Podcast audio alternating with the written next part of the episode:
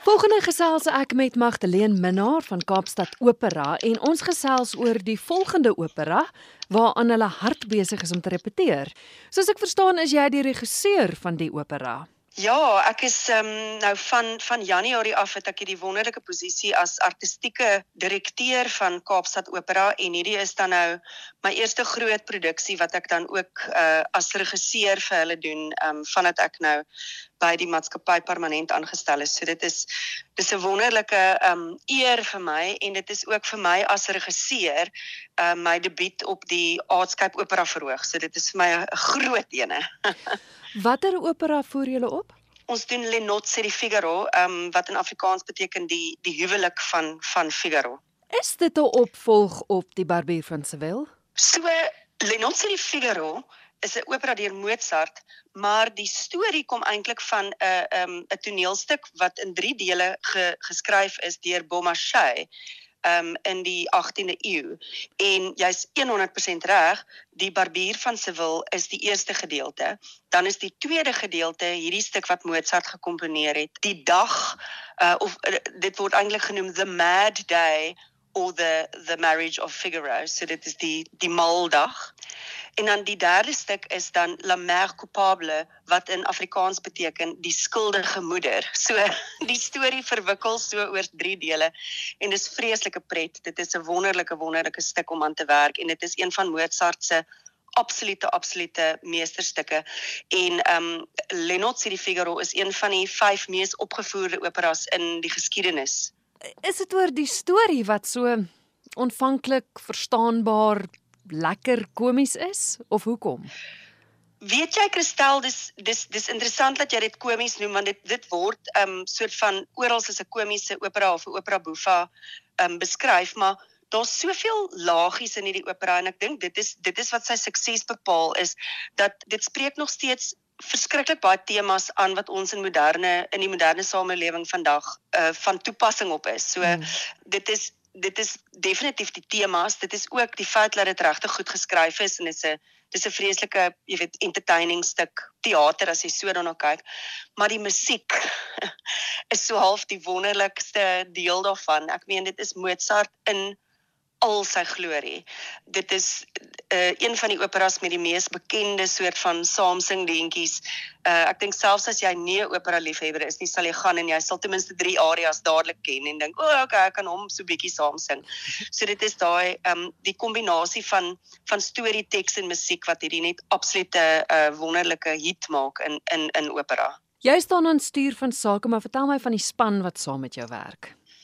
Ek het 'n ongelooflike span wat saam met my werk. Die die musikale regisseur is Skalk van der Merwe. Hy is um bekend in Pretoria en Johannesburg waar hy besig is om 'n wonderlike loopbaan vir homself te maak as um as dirigent. Mm. Hy het paar jaar terug die Len van Sail kompetisie gewen en hy is regtig 'n ongelooflike um dirigent om mee saam te werk op hierdie projek. Um en dan het ons natuurlik ons wonderlike opera koor onder Marvin Cornell. Ons het 'n ongelooflike lys van sangers um in die rolverdeling. Um as uh Cherubino het ons vir Megan Katz wat ehm um, wat ook van van Johannesburg afkom, maar lank in Wene um, nog steeds woon en sy kom doen haar debuut uh, as 'n uh, as 'n broekrol in die rol van Cherubino wat vir ons 'n vreeslike opwindende ding is om om in haar loopbaan te kan doen. En dan het ons natuurlik die ander internasionale ster ehm um, wat vir 'n rukkie in Suid-Afrika bly weens weens die pandemie en dit is William Berger 'n 'n fenominale um, Suid-Afrikaanse maar internasionaal bekende bariton. En dan het ons natuurlik ons um soort van wonderlike local sangers Brittany Smith, Conroy Scott as Figaro die die titelrol. Regtig 'n wonderlike wonderlike um rolbesetting en die countess wat van die mooiste areas het word gesing deur Sipamandla Moyake, uh, ook 'n wonderlike wonderlike um uh sopraan. Die stel word gedoen deur Marita Visagie. Ehm um, so dan het ons nou ook by Kaapstad Opera hierdie jaar ons tema is diversity, sustainability and creativity en wat ons daarby daarmee mee wil bereik is dat ons regtig kyk na wat het ons in terme van stelstukke en in, in terme van ehm um, kostuums wat ons kan herbenut sodat ons nie sulke astronomiese hoeveelhede geld spandeer op 'n stel wat later letterlik opgekap word in blokkies en in 'n ashoop gegooi word nie, want dit is wat gebeur met stelle wat nie benut word nie. Dit is 'n mm, mm. daar's 'n vreeslike uh, dryf in die in Europa veral om meer groen te dink in terme van teater en opera. En dit is definitief wat ons wil by uitkom en wat ons toe nou gedoen het is om te sê ons gaan alles ehm um, hierdie jaar so in huis as moontlik doen. So ons het die wonderlike Marita Versagie wat ons produksie bestuurder is wat ehm um, vir ons die stelle ontwerp het en sy het ongelooflike mooi stelle ontwerp. Dit is regtig so so so imposant en vars en al is ons uh dit on, on, dit is 'n period stuk maar ons het 'n hele paar kinke in die kabels um, wat dit so 'n bietjie meer modern maak. So die produksie lyk ongelooflik mooi. Ons het die kostuums ook self gedoen Marita en ons wardrobe mistress Rabia het dit self gedoen en dit lyk net so goed. Ek meen mense sal nooit kon sê dat ons van ons ou kostuums gevat het en so bietjie, jy weet, hier en daar ietsie ietsie verander het en ehm um, van dit net soos totaal en al opgeblaas het en meer teatraal gemaak het nie. Dit dit is dit op die op die ou end is dit net 'n ongelooflike mooi produksie wat ons bymekaar gesit het. Jy het nou genoem van Megan Katz wat 'n broekrol sing. Ek dink nie alle luisteraars weet netwendig wat 'n broekrol is nie. Ja, broekrol is 'n snaakse ding en ehm um, met die broekrol saam het ons nou vreeslik baie baie gepraat van Megan se transition.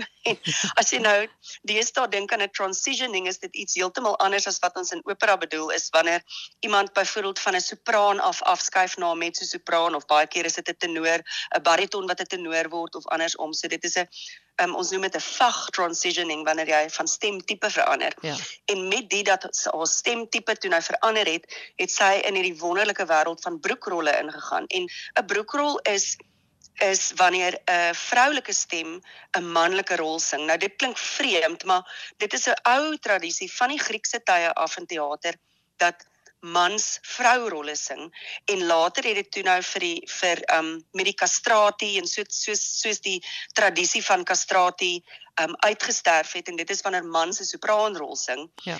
Um het dit toe nou mode geraak dat vrouens in die in die mans se rolle begin ingestoot word. En daar's vele sulke um voorbeelde. Cherubino is een van die soort van mees bekende uh rolle as dit by broekrolle kom.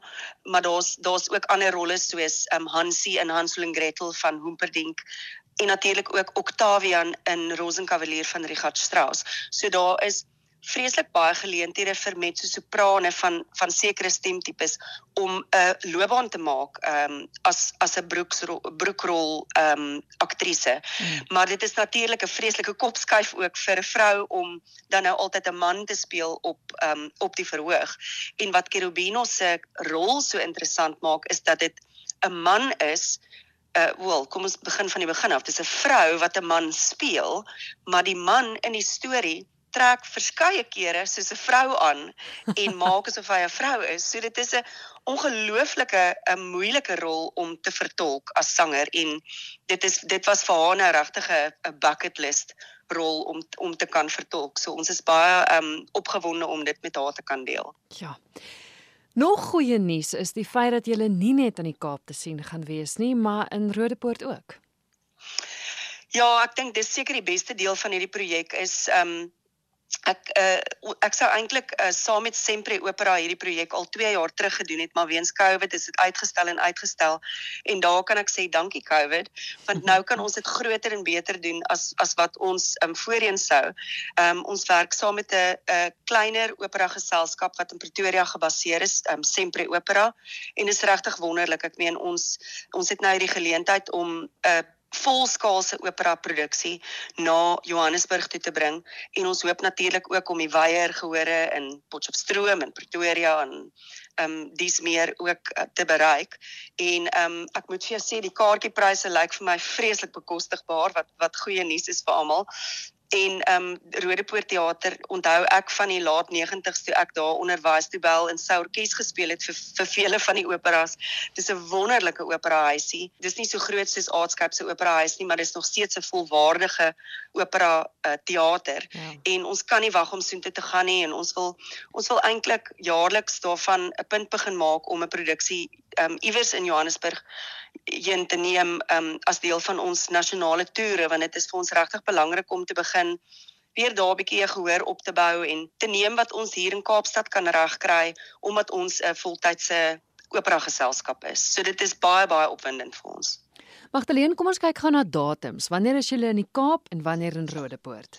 Ja, Kristel, so ehm um, ons Kaapstad kaartjies wat by die Aardskap Opera Huis is, uh is van 18 Junie tot die 26ste Junie, so lekker baie optredes. En daai kaartjies is beskikbaar by CompuTicket. En dan is ons by Rodepoort van die 6ste tot die 15de Julie, ook vir 6 vertonings en daardie kaartjies is by WebTickets.